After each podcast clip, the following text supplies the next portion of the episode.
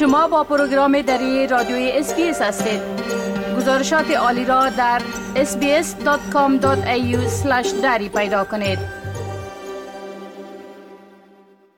ارقام جدید نشان می دهند که از هر شش استرالیایی بزرگسال یک نفرشان در سال گذشته مورد بدرفتاری و سوء استفاده قرار گرفته و بیماری همگیر کووید 19 این مشکل را بدتر ساخته است.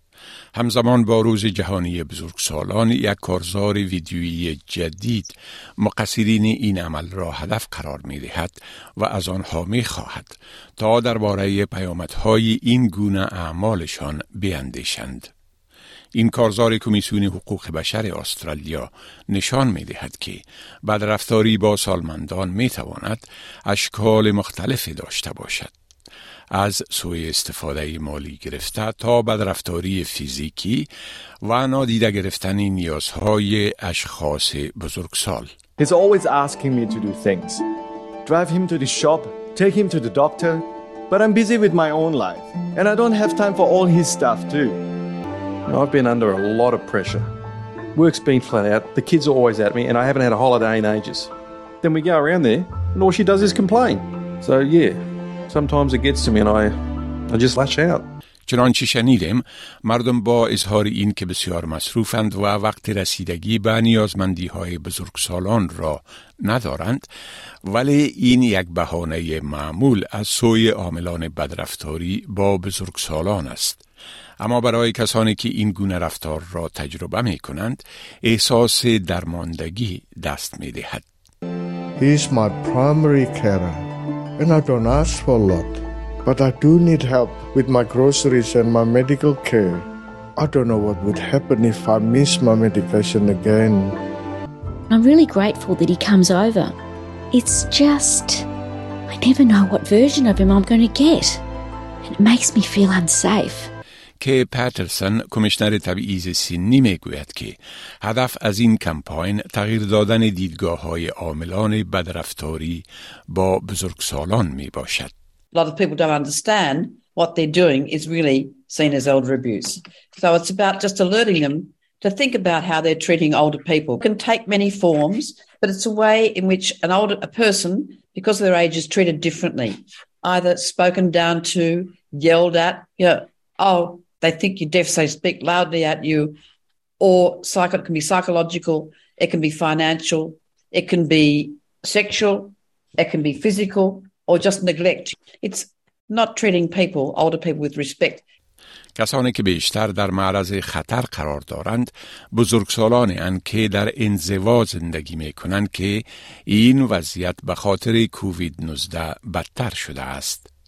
مطالعات خانوادگی انستیتوت استرالیا دریافته است که از هر شش استرالیایی مسن یک نفرشان در طول دوازده ماه گذشته نوع از سوی استفاده یا بدرفتاری را تجربه کرده است. اما که پترسن می‌گوید که تنها یک سوم آنها کمک طلبیدند. They feel embarrassed that why is my son or my daughter doing this to me? They feel concerned that, that any help they get will be withdrawn and they don't realise that there's help available. There is help available and more and more people are being experienced in the way they can help. And older people don't want to go to court, but what they want is some way to be able to discuss this with the family, because mainly it's families who perpetrate the abuse, not always. And they want to be able to negotiate that. And we have some trials now being undertaken where the mediation can take place کمیسیون حقوق بشر می گوید که آگاهی در این مورد برای مردم مربوط به جوامع فرهنگی و زبانی متنوع هم بسیار مهم است. این کمیسیون منابع به شمول کتابها و پوسترها را به 20 زبان مختلف نشر کرده که این کار برای اولین بار در استرالیا صورت گرفته است. Abusi verso le این کارزار به مناسبت روز بین المللی مردم مسن که با روز اول اکتبر مصادف بود راه اندازی شده است. مارک کوری وزیر بزرگسالان نیو ساوت ویلز می گوید که حکومت مردم را تشویق می کند تا با کلیشه های مزری که ممکن بزرگسالان را از مشارکت کامل در جامعه باز دارد مبارزه کنند. انتونیو گوترش سرمنشی سازمان ملل متحد با نشر توییت از جامعه جهانی خواست تا جوامع فراگیرتر و دوستدار مردم مسن را ایجاد کند. این درخواستی است که کمیسیون حقوق بشر می گوید نیاز به اقدام فوری دارد. سوی استفاده از بزرگسالان و بدرفتاری با آنها را می توان با استفاده از خط تلفن ملی الدر هلپ با شماره 1800 353 374 گزارش داد.